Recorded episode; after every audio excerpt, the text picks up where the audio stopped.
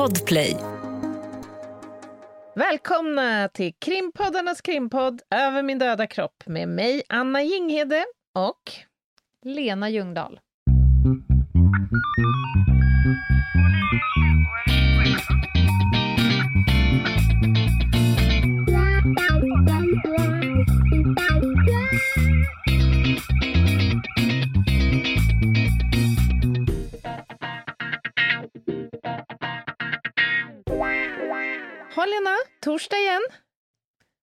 Torsdag igen och del två på vårt eh, snuskgubbstema. Ja, just det. Vi la ju grunden, kan vi väl säga, förra veckan. Och det blev Mm. ju ett väldigt uppskattat avsnitt. Det var faktiskt rekordlyssning. Mm. Vad, Roligt. vad handlar det om då, tror du? Är det att vi drar ett case? Handl- Är det temat? Eller är det det faktum att det var en polismästare som hade begått de här vidriga eh, handlingarna? Alltså att det är laddat? Ja, jag fattar. Jag tror att det kanske var all of the above. Mm. Och, och det hittar ju faktiskt nya lyssnare till oss hela tiden. Men, men det är såklart att det blir lite uppmärksammat. Och kanske också det där att det är ett case och att vi faktiskt intervjuade den som var absolut center of attention under hela utredningen, det vill säga spaningsledaren. Mm. Men det var, ju också, Trolle. det var ju också en dunderintervju, Lena. det var det. Var det det? Ja, det tycker jag verkligen. Bra jobbat. Ja, tack. Tack. Men du, eh, vi ska ju gå vidare på det här temat idag Mm. eh, och bland annat prata lite grann om vilka det är som köper sex. Man kan ju få Mm. uppfattningen om att alla som gör det är... Minns du farbror Bosse? Han scouten som stod och slickade på en Mm. klubba i Lorry var det va? Ja, visst. Är, är alla eh, sexköpare en farbror Bosse? Det hade ju varit oerhört lätt Mm. att bara undvika gubbar som står och slurkar på en klubba. Då är det liksom farbror Bosse och Kojak som man kan undvika. Eller vad hette han? Hette han inte Han Kojak? detektiven menar du? Ja, Ja, hade inte det. han en Dumleklubba i käften hela Ja, tiden? det hade han ja! Just det, det stämmer. Ja, det hade jag fan glömt. Nej, men så enkelt är det ju inte, Anna. Snuskgubbarna och till viss del snuskgummorna är ju liksom omkring oss Mm. hela tiden. Yes. Mm. Men var börjar vi då? Kan det vara, finnas ett värde här att backa tillbaka bandet ändå lite grann och kanske försöka beskriva vad sexualbrott är för någonting? För att sexköp pratar vi om nu, men det är ju faktiskt bara Mm. ett av många. Mm. Ja, så snuskgubbe känns ju som en väldigt förmildrande omskrivning av någonting som är betydligt värre, precis det du säger, sexualbrott. Och det rent juridiskt, vi pratar ju om all form av sexuell handling som Mm. sker mot någons vilja, eller utan samtycke. Just det. Eller om man är under 15, då spelar det fan ingen roll om det är samtycke eller inte, då är det sexualbrott hur man än vänder och vrider på det, för Mm. att det där av ordet byxmyndig. Mm. Eh, och alla sexualbrott finns i brottsbalkens sjätte kapitel, och där finns de då uppradade på ett tjusigt sätt. Och som med vanliga mm, uppradningar av brott så brukar det börja med det värsta och sen så är det liksom fallande skala. Så där Mm. har, hittar vi ju då våldtäkt, grov våldtäkt, sexuellt ofredande, och det är tänk typ blottare. Mm. Sexuella övergrepp, om man inte har samlag till exempel. Mm. Våldtäkt mot barn, vilket automatiskt blir om det är någon som är under 15. Ja, just det. Sex sexuellt utnyttjande, Mm. eh, som förut var en egen paragraf. Nu är det faktiskt en av punkterna i våldtäktsparagrafen. Eh, Mm. Sexköp, und so weiter, und so weiter. Så där i Posering kapitel 6, vad sa du? Ja, posering kom jag på där också. Ja, men det, listan Ja. går ju att göra lång. Ja, Den är lång. men allting är samlat i sjätte kapitlet. Mm. Mm. Men får jag fråga där, för att du, du nämnde där sexuellt ofredande och jag tror du nämnde blottare också. Mm. Och det var ju ett fenomen som var rätt vanligt, som jag i alla fall minns det, när jag, när jag var barn. så att säga. Då varnade man ibland för att Mm. det fanns blottare nära skolgården och såna där grejer. Och det är I ett beige trenchcoat. Ja, men precis. Man hade ju en ganska en hyggligt stereotyp bild av Mm. Ja. den personen.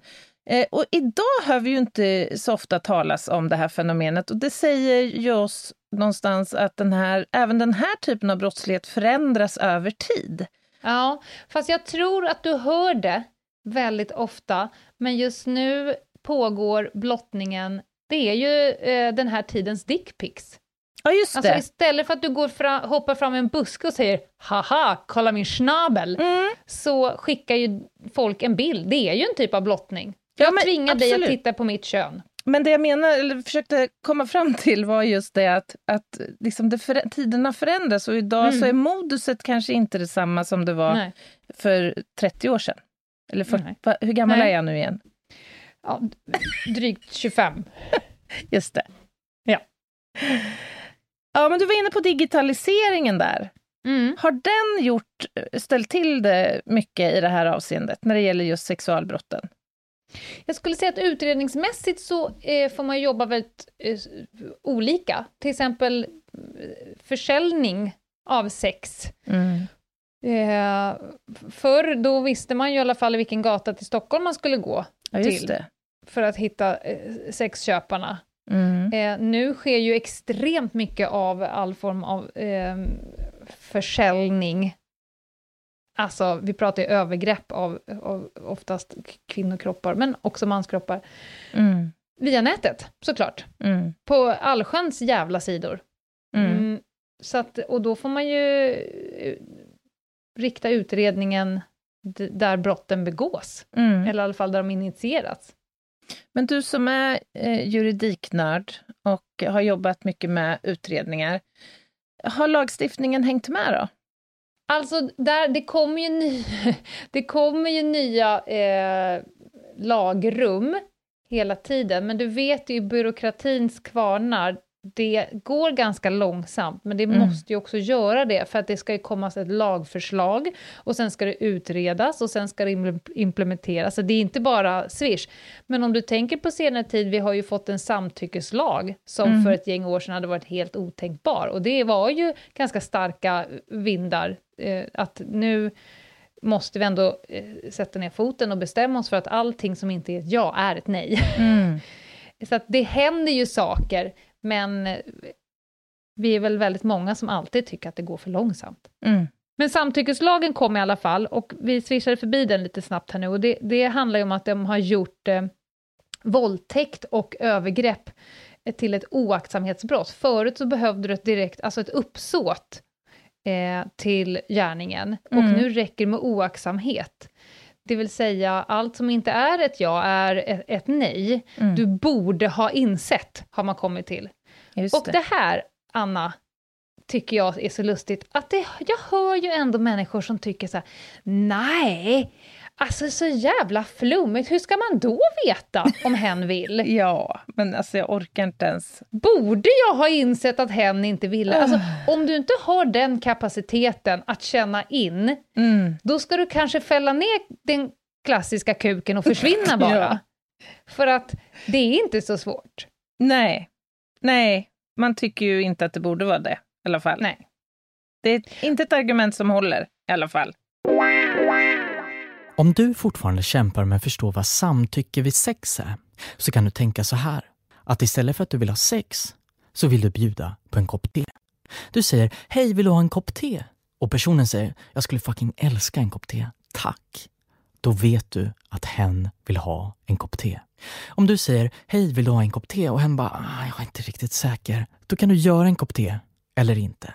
Men tänk på att hen kanske inte dricker det. Och om hen inte dricker det, då, och det här är det viktiga, tvinga hen inte att dricka det. Du kan inte klandra personen för att du gjorde te och hoppades på att hen ville ha det. Du måste bara acceptera att personen inte dricker det. Bara för att du gjorde det betyder inte att du har rätt att se hen dricka det. Om personen säger nej tack, gör inte te alls. Gör inte te, tvinga hen inte att dricka te, bli inte irriterad för att hen inte vill ha te. Hen vill bara inte ha te, okej? Personen kan säga ja tack, vad snällt av dig. Och sen när teet kommer vill hen faktiskt inte ha te alls. Och visst, du kanske tycker att det är irriterande när du har gjort te, men hen har fortfarande ingen skyldighet att dricka te. Hen ville ha te, men inte längre. Och ibland ändrar sig någon på den tid det tar att slå på vattenkokaren, brygga teet och hälla i mjölken. Och det är okej okay för människor att ändra sig. Om någon är medvetslös, gör inte te. Medvetslösa människor vill inte ha te och kan inte svara på frågan “Vill du ha te?” Om någon sa ja till te, började dricka det och sen svimmade innan hen hade druckit upp det, häll inte te i deras hals. Ta bort teet och se till att allt är okej. Okay. För medvetslösa människor vill inte ha te. Lita på mig. Och om någon sa ja till att dricka te hemma hos dig i lördags betyder det inte att hen vill att du ska bjuda på te hela tiden. Personen vill inte att du ska komma hem med te och tvinga henne att dricka det bara för att “men du ville ju ha te förra veckan” eller vakna upp med dig hällandes te i sin hals för att “du ville ju ha te igår kväll”. Tycker du att det här är en dum jämförelse? Ja, för du kanske har koll redan. Naturligtvis skulle inte du tvångsmata någon te bara för att hen sagt ja till en kopp te förra veckan. Och naturligtvis skulle du inte hälla te i halsen på en medvetslös person bara för att hen sa ja till te för fem minuter sedan. Om du kan förstå hur fullständigt löjligt det är att tvinga människor att dricka te när de inte vill och du förstår när människor inte vill ha te. Hur svårt kan det vara att fatta när det gäller sex? Oavsett om det är te eller sex så är samtycke allt. Och apropå det, nu ska jag dricka en kopp te. Och sen så har vi ju sexköpslagen.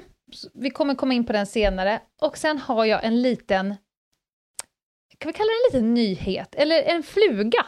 Mm -hmm. Nu för tiden, Anna, yeah. har du hört talas om sexomnia? Sömn, sömnsex eller sovsex eller vad säger man? Ja, ja. sleepsex. Ja. Att du bara typ såhär, åh jag sover så tungt och så råkar jag våldta dig samtidigt. Ja men alltså det där är ju absurt. Var det inte en snackis för något eller några år sedan, ett ganska uppmärksammat rättsfall på det här temat? Jag tror att det här, om vi nu ska kalla det för sjukdomen sexomnia, den verkar ju vara mer smittsam än, än corona. Med tanke på hur många som i våra domstolar har, har fått det här viruset. Men. För att det har blivit som något jävla frikort. Oftare används detta som en invändning.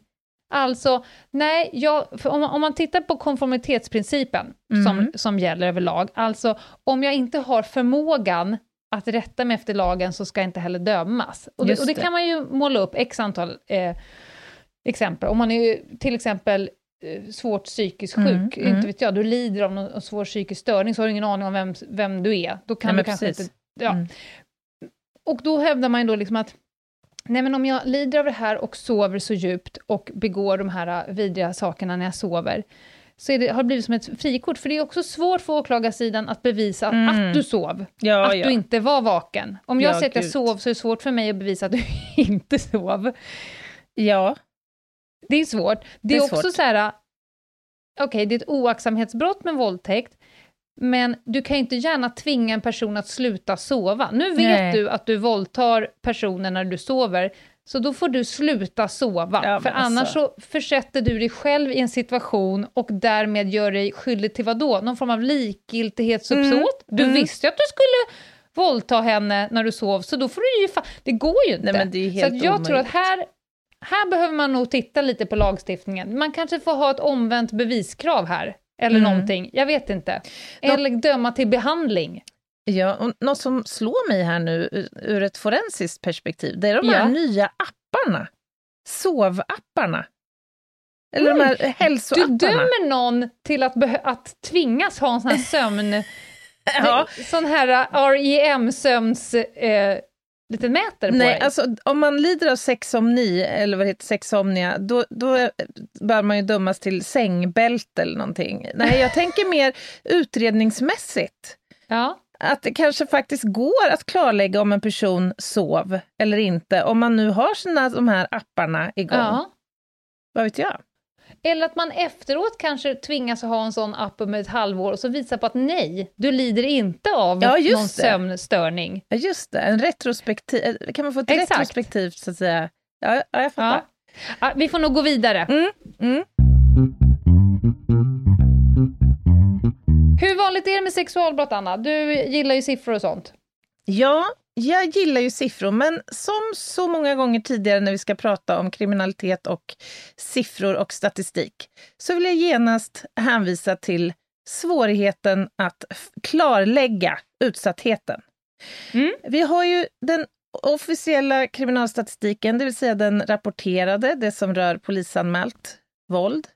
Eh, mm. Men sen har vi ju också de här så kallade omfångsundersökningarna, eller eh, de här sätten som man alltså kan få kanske en bredare kunskap om utsträckningen eller omfattningen här genom att tillfråga en stor mängd människor. Mm. Och tittar man då på till exempel den nationella trygghetsundersökningen så visar den att eh, vid sista mätningen så var det ungefär 6% av befolkningen, den vuxna, eller ja, från 16 till 85 tror jag de är, mm. som tillfrågas. Var knappt 6% som eh, uppgav att de hade utsatts för sexualbrott under eh, år 2019. Och jag roade mig med att räkna om det här i, till befolkningsdata. Eh, och då hamnar vi på en siffra om ungefär 450 000 människor. Mm. Som alltså då under ett år skulle ha utsatts för sexualbrott. Och då kan man ju tänka när det gäller de här omfångsundersökningarna att sannolikt så är inte alla ärliga och uppriktiga, eller kanske inte ens vet om att det man har utsatts för är straffbart eller kriminellt, Nej. helt enkelt. Eh, och om man då istället vänder sig till den polisanmälda statistiken så måste man först och främst komma ihåg att Brå, Brottsförebyggande rådet, de uppskattar att ungefär 2% av vuxna människor som utsätts för sexualbrott kommer att anmäla vad man utsatts för. Mm. Och kanske 1% hälften så många barn, kommer eh, lyckas anmäla vad man utsatts för. Så att här finns ju enorma, enorma mörkertal. Mm. Men om, eh, och, och sen kan vi säga också att våldtäkter och sexuella ofredanden är de eh, sexualbrottstyper som oftast anmäls. Så de utgör kanske 40-45 procent eller någonting av alla sexualbrott. Mm. Eh, och tittar man på, om vi tar våldtäkterna till exempel, vi kommer inte kunna rabbla upp alla, alla siffror här, i, här och nu, men om vi tar våldtäkterna så anmäldes eh, förra året ungefär 10 000 våldtäkter. Och det var ju då inklusive den här nya brottsrubriceringen, oaktsam våldtäkt. Mm. Eh, det handlar då om två, drygt 200 brott om oaktsam våldtäkt. Så det är inte jättemånga. Så att, men det kanske också tar ett antal år innan liksom det här sätter sig, eventuellt. Och tittar man över tid, om man jämför då de här eh, knappt 10 000 våldtäkterna för 2020 med eh, tio år tidigare, så har ju eh, anmälningsfrekvensen vad gäller våldtäkter ökat jättemycket, med drygt 40 procent. Och det här är mm. något som debatteras i media eh, ganska frekvent. Um, och man kan fundera på vad det här handlar om. Och då föreslår Brå att man faktiskt kan koppla det här till förändringar i sexualbrottslagstiftningen. Eftersom till exempel så har ju våldtäktsbegreppet eh, utvidgats. Så nu pratar man om det här begreppet särskilt utsatt situation till exempel, som har tillkommit. Vilket mm. påverkar då, eh, menar man. Och det kan också handla om anmä eh, anmälningsbenägenheten naturligtvis. Eh, så att man får vara lite försiktig, liksom när man, det är väl det budskapet jag vill försöka föra fram här, när man ska tolka de här siffrorna. Eh, jag var ju också lite nyfiken och försöka eh, klarlägga hur det har sett ut under pandemitiden. Ja, För att vi har ju en uppfattning om, i alla fall sett till det här enormt ökade trycket på eh, kvinnojourerna och på hjälplinjer, både för barn och vuxna, så att de beskriver ju en enorm ökning där. Mm. Och det är ju fortfarande ganska tidigt, så vi har inga liksom, bra siffror än, eh, alltså över tid. Eh, men däremot så har man sett om man jämför 2020 mot 2019 så har bland annat sexualbrotten och övergreppen mot barn har ökat, både mot pojkar och mot flickor, eh, mellan 10 och 15 procent. Alltså anmälningar pratar vi om nu. Så det är ju, det, är eh, ja, det känns inte bra helt enkelt. Jag hoppas Nej. verkligen att vi kommer kunna mobilisera här nu.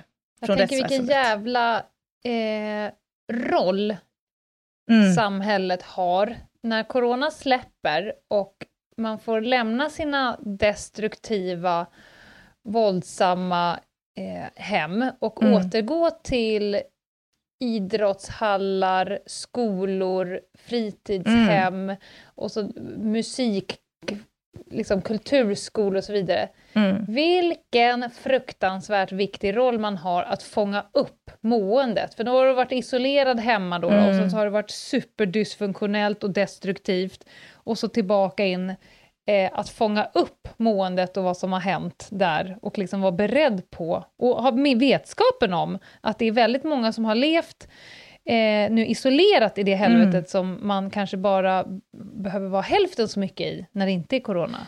Ja, och det är, ju, det är ju så att säga känt från tidigare kriser som vi har befunnit Mm. oss i och kartläggning över olika typer av riskperioder när våld i familjesystem ökar. Att eh, ja, men kriser är ett, ett sådant exempel tillsammans med högtider och sommarsemestrar och allt vad det nu är. Eh, Men det som jag tycker är så himla olustigt i det här sammanhanget just när det gäller eh, corona, det är ju att det också sanktioner, det sanktioneras ju för förövaren att motivera isoleringen. Vi ska ju inte Ja, vara ute, så att säga. Så Nej, det blir exakt. en uttrycklig, så att Ja. säga... Ja, alltså det, det är fruktansvärt. Verkligen. Och jag håller med dig. Vi måste, vi måste ha förmåga att kunna hjälpa de här människorna som är Mm. utsatta. Men jag tänkte bara, så här, innan jag lämnar det här tråkiga med siffror, för det är ju sällan så himla upphetsande. Ja, fast det, det ger, det ger, det ger en, en, en dimension, Anna, som vi faktiskt behöver. Ja, men kanske för att försöka försätta oss i rätt så att säga, sammanhang i alla fall, så vi Mm. förstår vad vi pratar om. Men här, jag tänkte bara spinna lite, lite vidare på det här med, med våldtäktsutsattheten i Sverige, eller förekomsten av våldtäkter. För att du har ju säkert också hört det här eh, om att Sverige ligger i topp när det gäller anmälda våldtäkter i E- Europa. Ja. Eh, och eh, det, det här är någonting som också jag märker debatteras ganska frekvent och det finns ganska eh, tråkiga och starka röster som vill hänföra detta till våran eh, invandring och Ja. flyktingpolitik. Ja. ja. Det är ett importerat problem, Mm, sägs det. precis. Och Mm. jag, jag blir så... Vi ska, inte gå in, vi ska inte öppna kanske den boxen här och nu, men jag blir så oerhört trött på den där typen av retorik. Som Ja. om både våldtäkter och mäns våld mot kvinnor skulle vara ett fenomen som plötsligt eh, uppdagades i Sverige för drygt fem år sedan. Ja. Ja, det är så oerhört dumt. Men nu har man tittat på det här, hur det verkligen förhåller sig. Är det verkligen så att, att vi är, så att säga, i Sverige, är ett våldtäktsland i ordets rätta bemärkelse? Och Mm. ja, varje våldtäkt som anmäls är ju så att säga åt helvete rent ut sagt. Men eh, det här, mycket av den här, den här eh, statistiken kan förklaras av att vi definierar, alltså våldtäktsbegreppet definieras så olika i olika länder. Så att vi mäter helt enkelt inte riktigt samma saker. Eh, och om man skulle jämställa våra benämningar, eh, Sveriges och Tysklands och massa andra europeiska länder, så bedömer man att Sverige istället skulle hamna någonstans i mitten av den europeiska statistiken. Det är ju fortfarande otroligt illavarslande, men ändå. Vi ligger sannolikt inte... Det begås inte fler våldtäkter i Sverige per capita än i andra europeiska länder, i alla fall, om jag säger så. Det är en jävligt viktig information och ett medskick till alla ni som läser rubriken att det blir värre och värre och sämre och sämre, otryggare och otryggare och Sverige är i topp på allt djävulstyg. Då är det så lätt att göra ett likhetstecken mellan det och olika saker som passar in i din egen begreppsvärld. Mm. Och så drar du fel växlar på det. Att bara bromsa in och gå till botten och få Mm. en sån grej. Aha, vi definierar olika. Ja, men ta bara exemplet, i många andra länder där Mm. eh, ett våldtäktsbrott hamnar i statistiken, så krävs att offret har gjort fysiskt motstånd. Mm. Och gränsen i, an, medans gränsen i andra länder för våldtäkt går vid eh, brist på frivillighet. Så bara Ja. den lilla skillnaden kan göra att statistiken blir jättefel, så att säga. Mm. Man kan också vända på och säga så här, fan vad bra att vi ligger i topp Mm. Det gör, det gör att vi har lagt nivån för våldtäkt jävligt lågt, medan kanske andra länder har lagt den alldeles för högt, så att Precis. grejerna inte eh, adresseras som våldtäkt.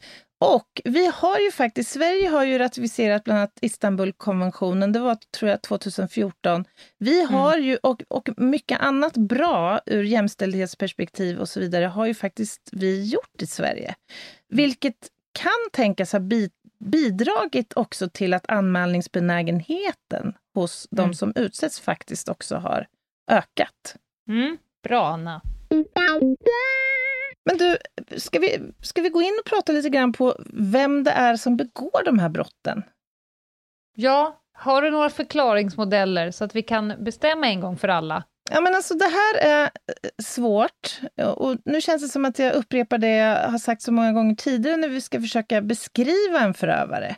Att det här är inte en homogen grupp. Nej. Tittar man till den an anmälda brottsligheten så är det uteslutande män som misstänks för de här brotten och som döms för de här brotten. Mm. Eh, Men det är inte, det går inte att liksom peka ut, det är inte en farbror Bosse bara. Utan Nej. det är olika typer av eh, människor vi pratar om här.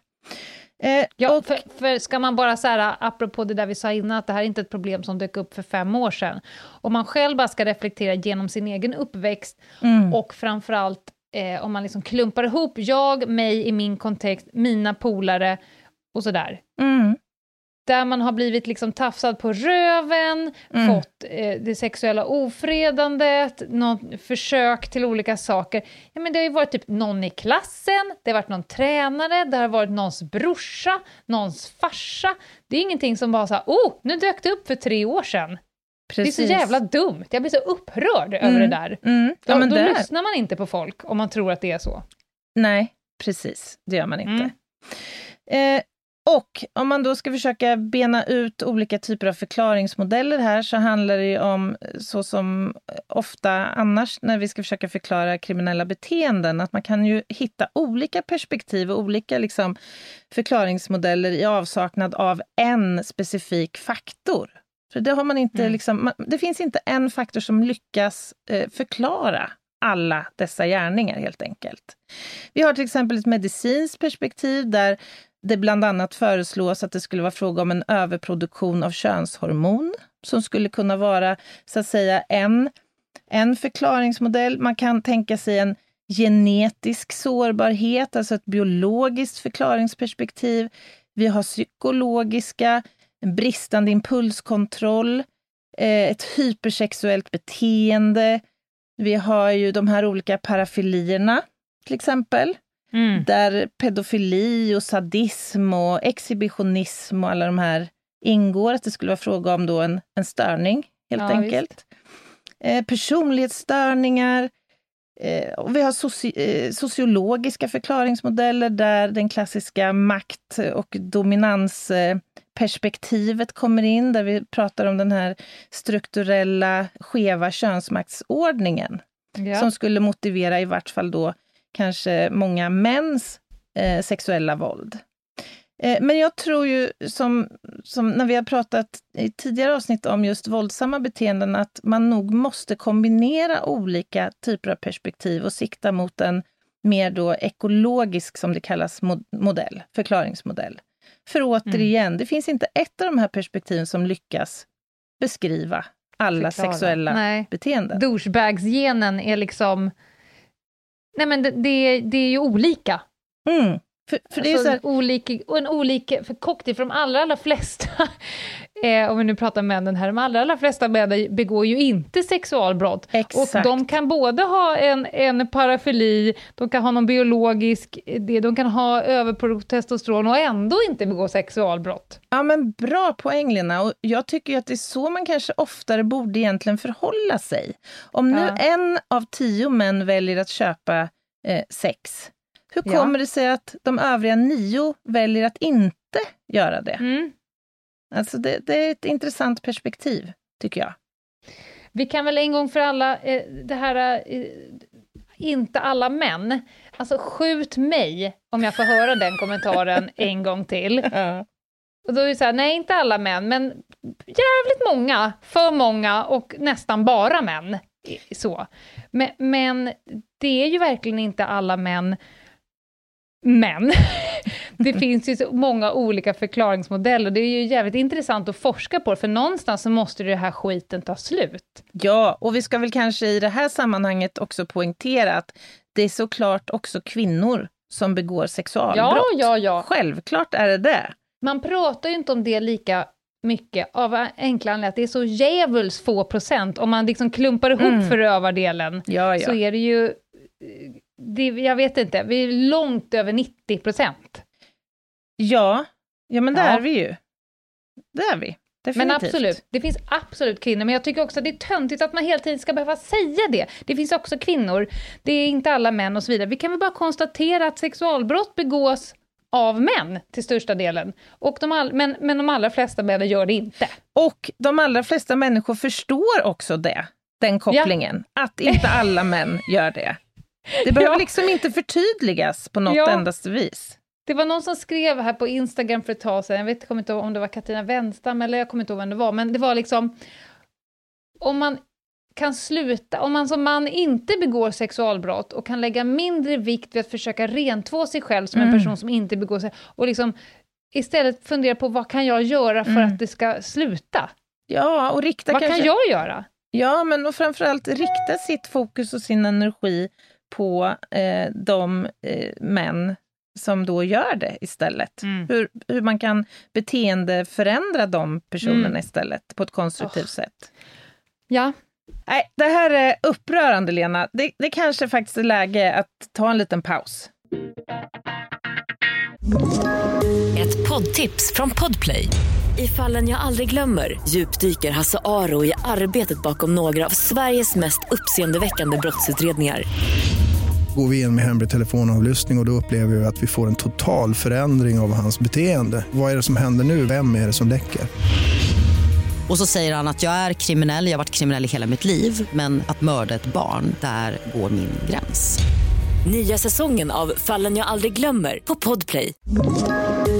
Poddtips från Podplay. I podden Något Kaiko garanterar östgötarna Brutti och jag, Davva, dig en stor dos skratt. Där följer jag pladask för köttätandet igen. Man är lite som en jävla vampyr. Man har fått lite blodsmak och då måste man ha mer. Udda spaningar, fängslande anekdoter och en och annan arg rant. Jag måste ha mitt kaffe på morgonen för annars är jag ingen trevlig människa. Då är du ingen trevlig människa, punkt. Något Kaiko, hör du på Podplay. Därför är gardinerna. Välkomna tillbaka! Det är krimpoddarnas krimpodd och det är avsnitt 127 och vi håller på med del två av Snuskgubbs-temat. Mm. Och nu, Anna, så tar vi oss in i brottet att köpa sex. Mm. Det här är ju alltså sexköpslagens införande. Det är lite unikt. Sverige var tidiga här att kriminalisera eh, köpet, men inte göra det brottsligt att sälja sex. Och det här Mm. kan ju folk tycka är lite Mm. skevt avigt. Hur, hur liksom den ena delen av handlingen, hur den Ja, ena det. kan vara brottslig, men den andra inte. Och det är Mm. för att Sverige har tagit greppet, och många länder har tagit efter Sverige, att man Mhm. har gjort prostitution till en del av mäns våld mot kvinnor. Utnyttjandet av kvinnokroppar, att det är liksom ett problem, och då kan man inte kriminalisera att vara en, ett offer för mäns våld mot Nej, kvinnor. men alltså jag tycker det är ett sånt oerhört viktigt signalvärde i det. Ja. Det här jävla skitargumentet att prostitution, eller ja, prostitution är ett gammalt, något, på något sätt hedervärt yrke, till exempel. ja, Det är så fullständigt absurt. de har valt det själva, Anna. Jag är bara, jag är bara en, liksom, jag är schysst och köper deras produkt. Ja, Vad ska de annars göra? jösses. I alla fall, lite, några grejer som man kan säga kring det här med, med sexköp. Eh, Mm. Ibland kommer frågan, är det olagligt att köpa sex utomlands? För att jag såg någon siffra på att av alla de som köper sex så gör 80% eh, av det även utomlands. Va? Vänta nu. Ja, 80%. 80%. Och nu fick jag så många tankar och frågor kring det här. Ska, ska man tänka sig då att de här människorna alltså åker utomlands i syfte att köpa sex? Eller är det här det engångsföreteelser som sker på något sätt i samband med någon form av charter? Alltså jag Vad vet inte. om? Jag har aldrig åkt på en utlandsresa, men om du tänker ett grabbgäng som åker till Låt säga ett land där det ligger strippklubbar på, som ett pärlband. Mm.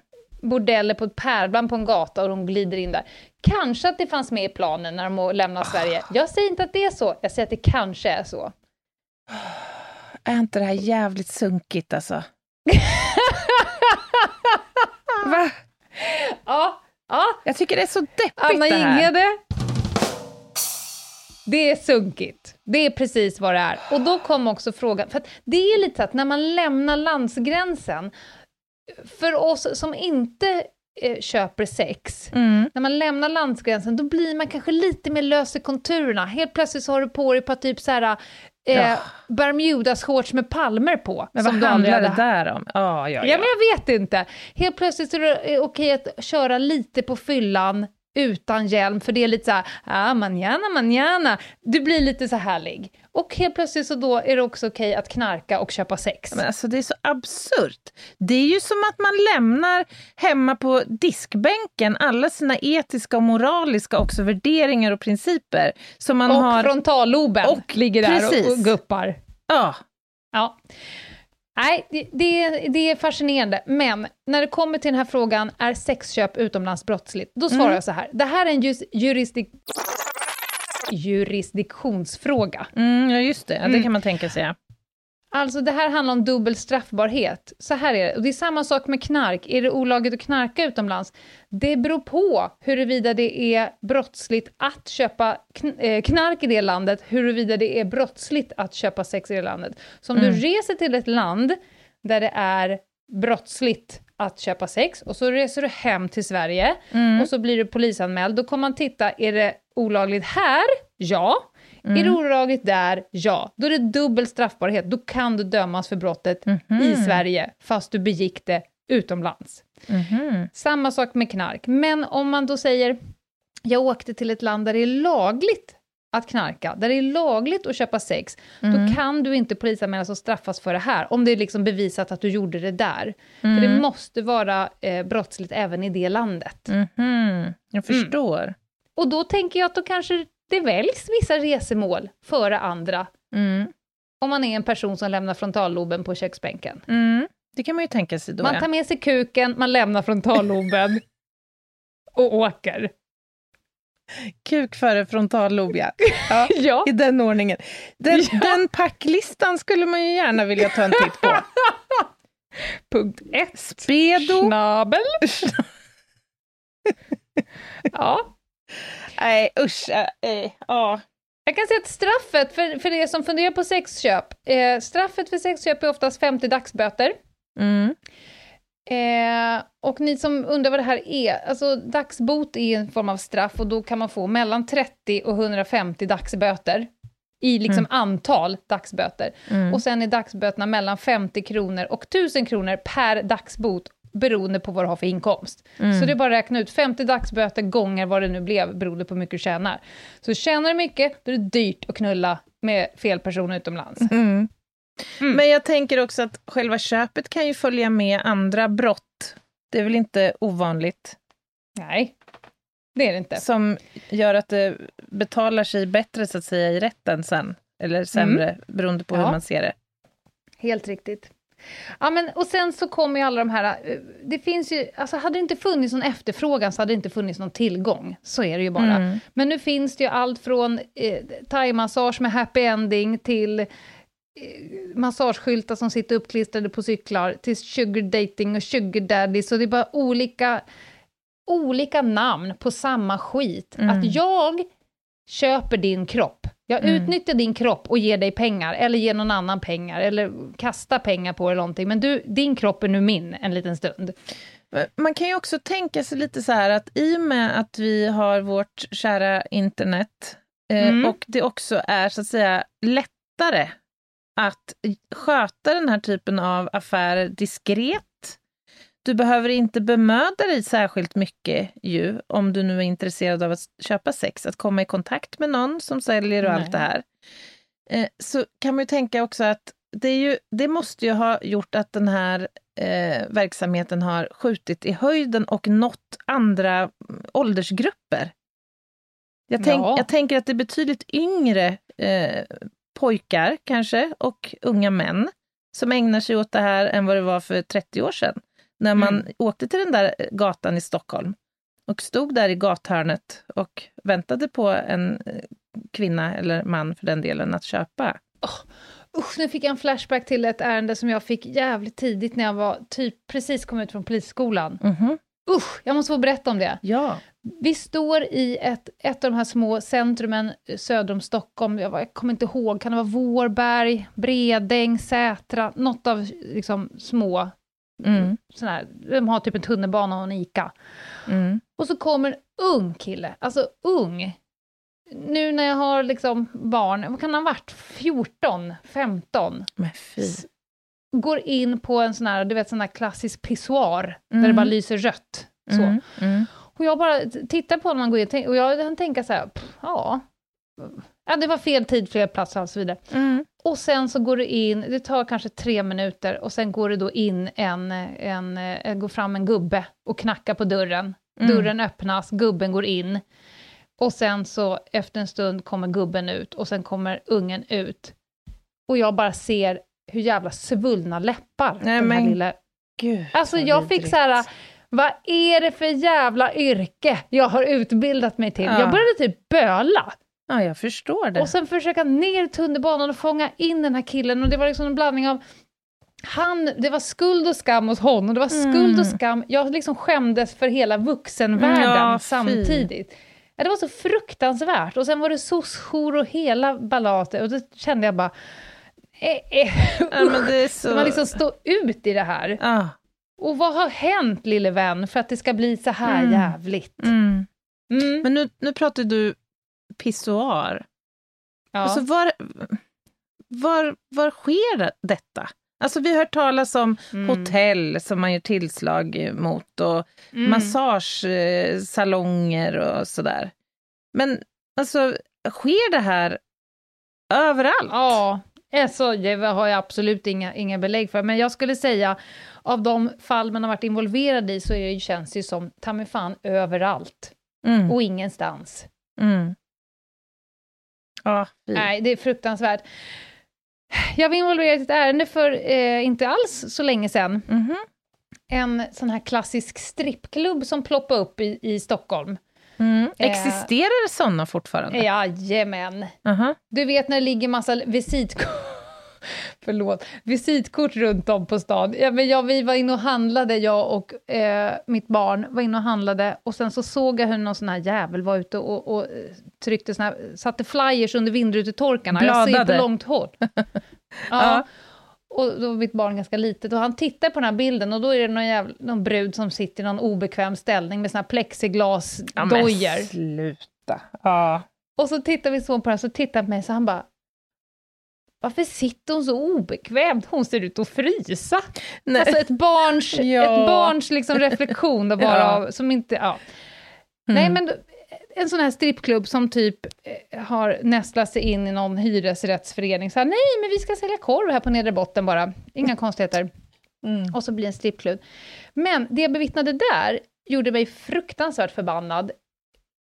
För då, vi var involverade helt enkelt och vi, vi stängde ner skiten på olika sätt. Mm. Mm. Med samarbete med polisen och allt vad det nu är. Men, när jag satt där då, jag spanar ju dygnet runt, Mm. då kommer alltså taxibilar. Vi pratar inte taxi eh, hej och hå, utan vi pratar typ de stora taxibolagen. Mhm. Kom dit, parkerade utanför, med liksom oftast en, två, nej, oftast två, tre, fyra konferensgubbar. Ja, men, Det var, det var liksom klientelet. Mm. Gubbar i grupp i kostym. Mm. In på stället tillsammans med taxichauffören. Taxichauffören följde med in Nej, på stället. och någon... sen, Ah. sen tog det en minut och sen kom taxichauffören ut igen. Självklart fick ju fanskapet betalning för Mm. att leverera kunder. Ja, det är klart. Vad ska ni ikväll då? Ni ska inte... Ra, ra, ra, ra, ra. Ja, men proble- för problemet är ju att, att bedriva strippklubb så att säga, är ju inte förbjudet om man säger Nej. så. Men, men det blir ju en förtäckt Men nu kunde vi stänga verksamhet. stället. Ja, nu Mm. kunde vi stänga stället för att vi vet att de gjorde mer än Mm, strippklubb mm, där mm. inne. Men hela liksom, det är så jävla smutsigt och äckligt och fult och jag fattar inte hur, hur man går igång på skiten. Nej. Alltså, Nej. sån här business. Nej, men och det är ju en enorm business. Jag, jag har jättedålig koll känner jag på hur stor den businessen är i Sverige. Men jag har ju, bland annat så har jag ju jobbat ganska länge som du vet i Thailand. Och där Ja. ligger ju strippklubbar i varenda gathörn. Mm. Alltså det, och det är ju barn. Det är ju barn som jobbar i den, de där miljöerna. Många gånger.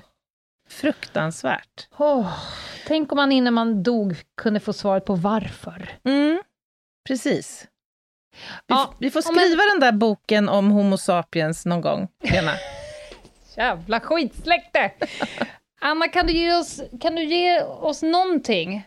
V- vilka är sexköparna? Alltså, tyvärr så måste jag även här göra dig lite besviken. Jag har tittat på lite olika studier, tror det eller Mm. ej, och konstaterat att det finns liksom ingen riktig konsensus om vem som är sexköpare, faktiskt. Nej.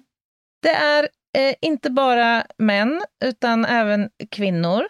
Mm. Det är heteromän och kvinnor och det är gaymän och kvinnor. Alltså, Mm. så det, det spretar liksom åt alla håll. Det, det är en enorm spännvidd om man tittar både på demografi, alltså ålder och kön och var i landet man är bosatt. Ekonomiska förutsättningar och förhållanden. Sen gör man ju ofta i de här rapporterna en markering för att, för det kostar ju trots allt att köpa sex. Så det Ja. finns ju liksom ekonomi hos de här som, som ägnar sig åt detta. Ja. Eh, livssituationen och livsförhållandena varierar enormt mycket. Eh, utbildningsnivåerna varierar. Mm. Vissa studier pratar om att det ofta är eh, män med missbruksproblematik medan det avfärdas i andra studier. Så att eh, det är kort och gott så att, och, det ska jag också säga att familjeförhållandena varierar också väldigt mycket. Mm, ja. Det är Ja. långt ifrån alltid eh, liksom enstöringar och avvikare i den bemärkelsen. Men gud, Det är de familje- Ja. Simon och de snacka om när de tar sexköparna. Jag menar, det är allt från trebarnsfarsan till eh, högt upp näringslivstoppen Mm. Ja, till ja. allt. Allt. Men jag Men- har en Mm. sak som är generell Mhm. för alla sexköpare. Mhm. Visste du inte? De har Nej. jätte, jättemycket otur. Ja, det har de. Har Gud, du tänkt på att de alltid åker fast första gången? Ja, det är, Det är helt sjukt, för alla annan brottslighet, inbrottstjuvar, knarkare, allt, eh, liksom, våldsverkare, då är det liksom, ah, nej men jag har gjort, alltså, det är ingen som säger nej, att du tog mig första gången, Ja. sån otur. Ja, ja, det är ju helt otroligt egentligen. ja, Men om man, om man tittar på, jag, jag nämnde ju det tidigare att eh, man brukar säga att en av tio svenska män mm. har betalat för sex. Och då har det Alltså, det är föreslagits... jävla deppig siffra. ja, det är det. Det betyder att du känner en hel drös och jag känner en hel drös. Ja, sannolikt. Ja, men så är det ju. Men man har ju föreslagit några olika så här, motivationsfaktorer hos dessa Mm. män. Och då, jag, jag kommer nämna några här, får vi se vad, vad, du, vad du tror. Vad du tror här. Okej. Eh, för vissa så kan det handla om en önskan att få något som är annorlunda. Att få ha Än, än det man har. än det man har. Precis, eller det man har gjort, det man har erfarenhet av. Ja, Okej. Det Mm. är ett argument som anförs. Ja. Det kan handla om en längtan efter en kombination någonstans av sex och spänning. ja. Eh, det kan handla om att man vill ersätta en annan relation. Att man inte är nöjd med den relationen man har. Så att man söker Mm. ett substitut. Eh, Det handlar också om det här med sexuella tjänster som handelsvara. Alltså att man då skulle likställa prostitution med vilken annan vara egentligen som helst och där man då, Mhm. de här männen motiverar sina sexköp med att man helt enkelt har ett fysiskt behov som liksom återkommande behöver tillfredsställas. Ungefär som man går till ICA och köper mjölk eller smör. Ja. Det är helt Man har avhumaniserat personen man eh, köper. Ja, Ja, okej. Och tittar man på vad eh, många forskare ändå är eh, överens om, som belyser det här fenomenet, så handlar det ju om företrädelsevis män, och det här är vad jag tror mest på. Män med en extremt förvrängd kvinnosyn, Mm. som är empatilösa Mm. och som har en benägenhet att utöva våld, och ofta grovt våld, i sexuella relationer, inte bara i de som de köper sig, så att säga, Nej. utan även annorstädes. Ja. Vad tror du? Har du någon idé, tanke om vad som driver dessa män? Om vi nu uppehåller oss kring dem. Ja, men jag, jag, återigen, det här med att vilja ha något annat, att vilja ha in lite mer spänning i vardagen, att vilja byta ut det man har för att det är tråkigt. Det kan ju vi liksom, alla har ju någon gång känt på den, Mm. men det är ju någonting som klickar när man också känner så här, nej, men jag tror att jag går och köper en annan människa. Mm. Det, det känns ju som att det är någon spärr där som, som Mm, mm, de, de flesta, tack och lov, har. mm. Ja, inte alla män.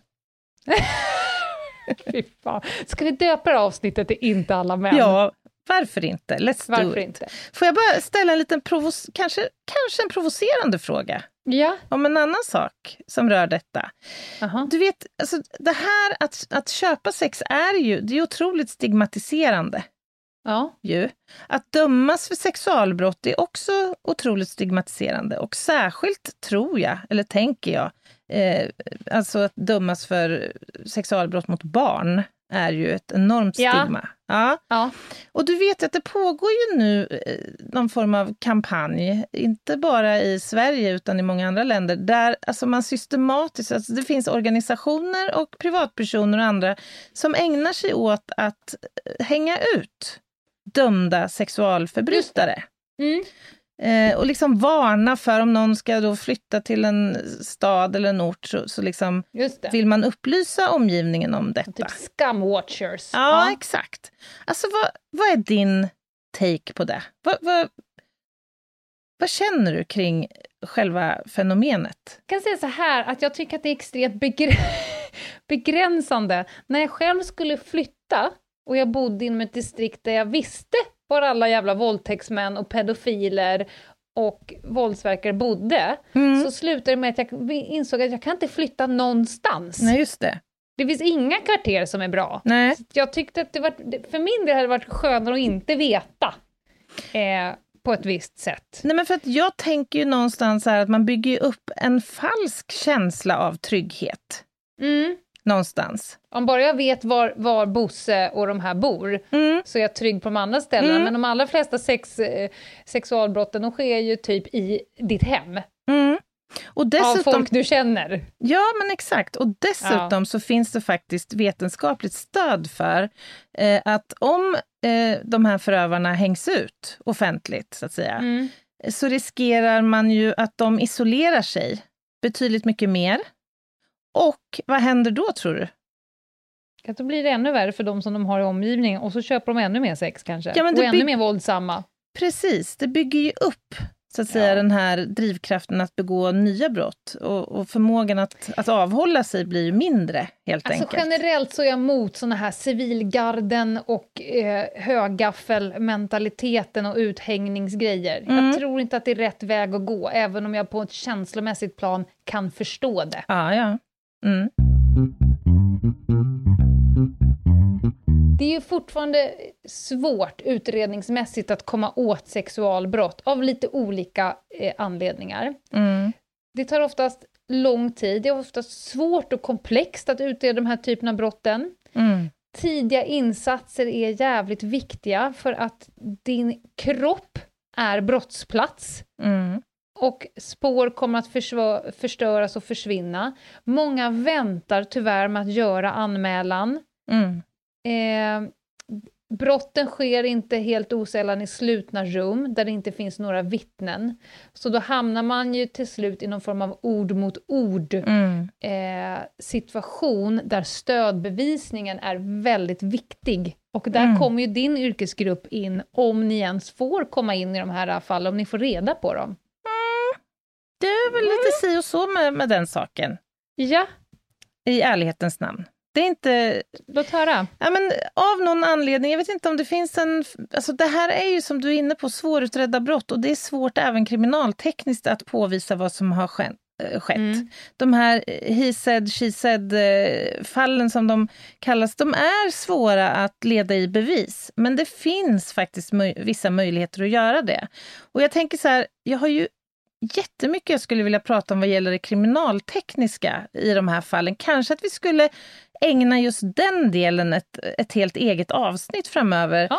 Och så kan jag bara nämna några... Spårsäkring på kropp menar du? Ja, på, på både plats och kropp Ja, egentligen. gärna. Ta ett sånt avsnitt. Ja, så kan jag istället ägna de här sista minuterna vi har till att prata lite grann om spårsäkringssatsen och hur man ska tänka om man nu, man kanske till och med lyssnar på det här avsnittet och har utsatts Mm. eller kommer att utsättas.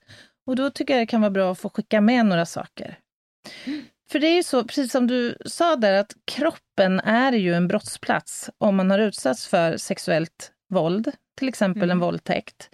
Och tidsfaktorn blir ju direkt en faktor, så att säga. Mm. Den, den måste, det, man måste försöka säkra de här spåren så fort som möjligt för att eh, kunna leda det här i bevis.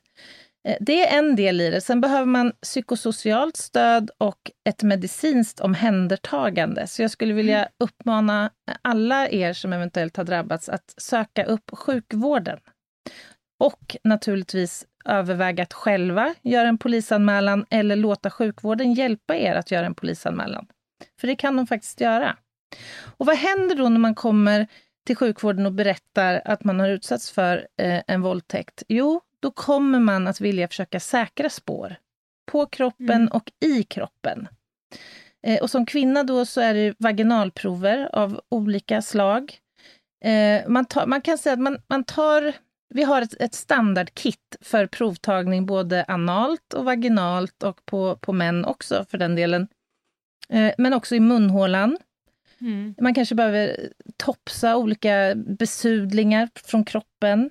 Så man har ett helt kit som ska täcka in liksom alla tänkbara scenarier som beskrivs av den som har utsatts, helt enkelt. Mm. Berättelsen blir ju viktig och styrande här. Den blir Också. oerhört viktig. Så att, och du behöver lämna samtycke för att det här ska ske. Det är ingen som kommer tvinga dig att låta dig undersökas eller ta de här proverna.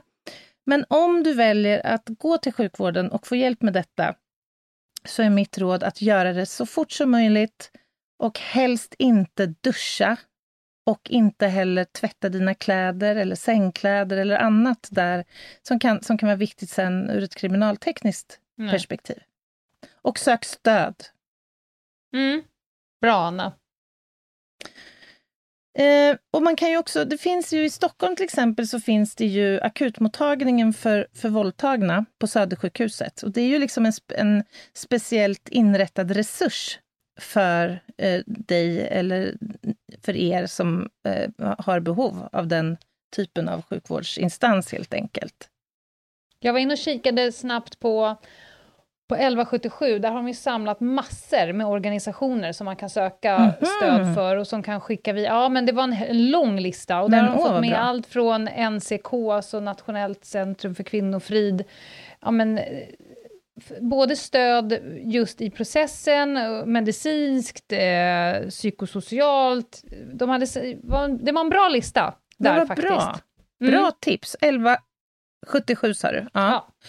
Och sen finns det ju faktiskt lite stödresurser om man också har ett sexuellt avvikande beteende eller kanske rent utav har förgripit sig på någon annan och behöver Just det. hjälp att hantera de bitarna. Eh, Och då kan jag tipsa om Preventell, Just. Mm. en, en bra sida på nätet där man kan få hjälp också. Ja, Lena, ska vi sätta punkt där för idag? Eller nej, vänta nu. Vi har någon liten del kvar, va?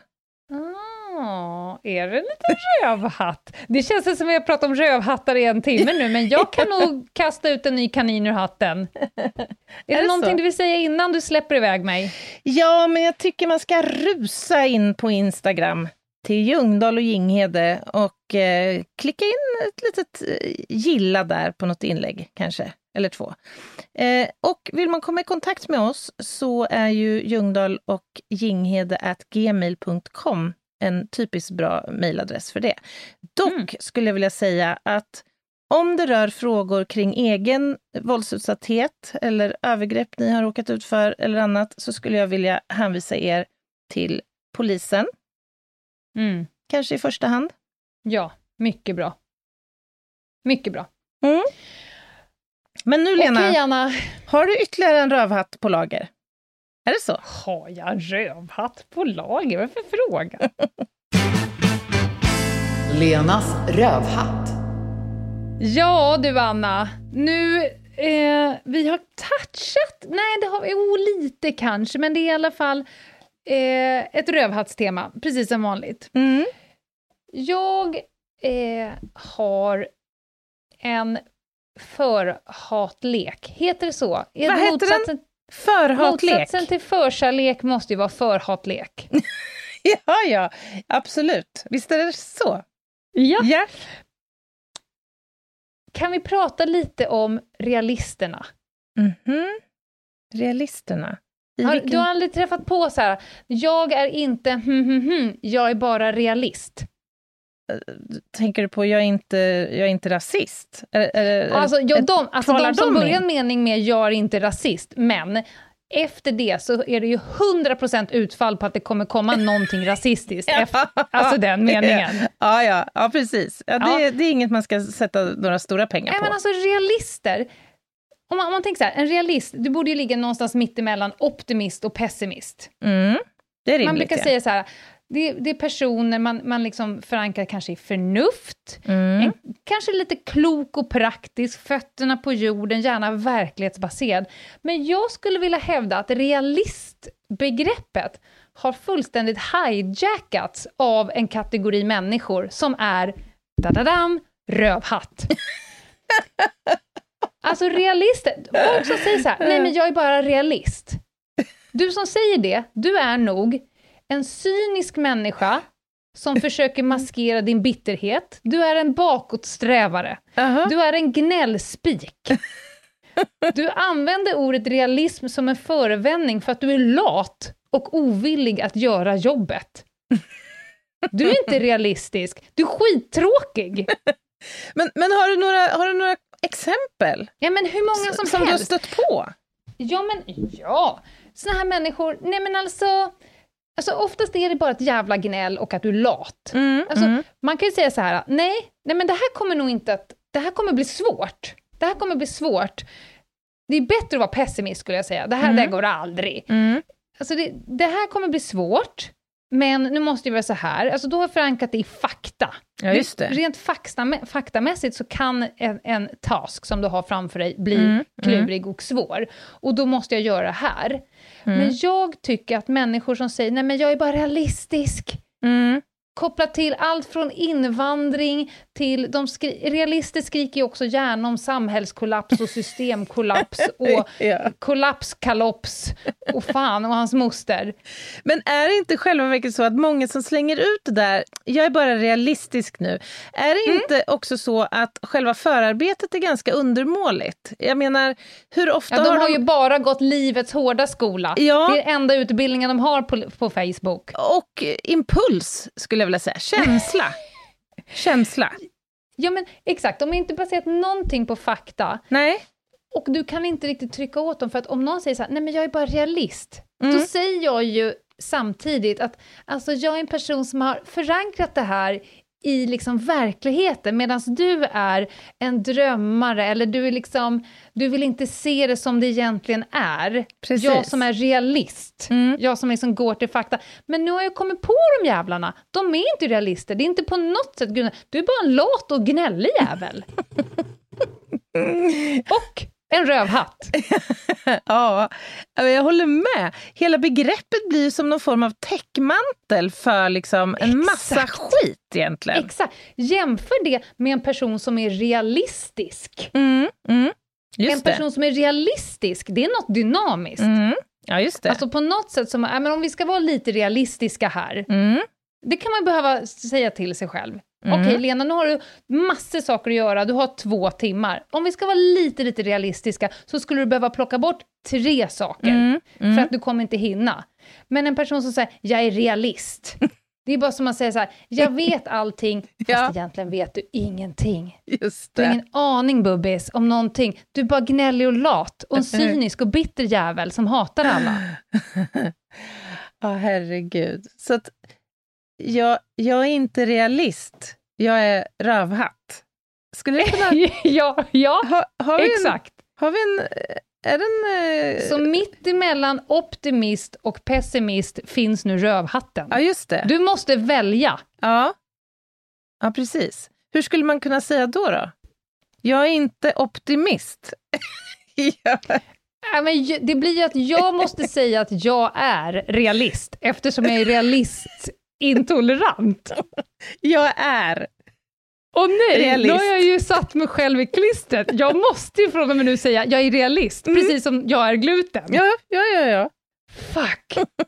Den, it backfired on me den här gången. ja den såg du inte komma, Ljungdahl. Nej, men så att alla ni som säger så här, jag är inte rasist, jag är realist, för åt helvete bara, du är en gnällspik. ja, det var allt från rövhattskloaken den här veckan. Ja, älskar. Älskar de här inspelen. Vi kan sätta oss i bikuper på lördag på eh, Instagram kvart över elva där vi lajvar, precis som vanligt. Ja, just det. Kanske vi kan ta den här diskussionen vidare, ja. Ser jag fram Jag emot. är realist. Ja, vad härligt, Lena. Ta hand om er där ute. Hej då! Bye.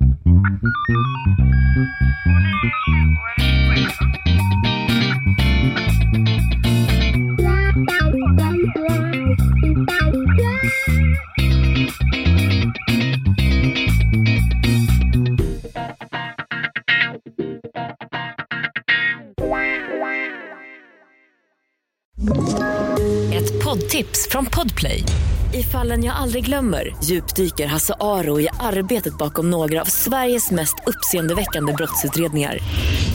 Går vi in med hemlig telefonavlyssning och, och då upplever vi att vi får en total förändring av hans beteende. Vad är det som händer nu? Vem är det som läcker? Och så säger han att jag är kriminell, jag har varit kriminell i hela mitt liv men att mörda ett barn, där går min gräns. Nya säsongen av Fallen jag aldrig glömmer på Podplay.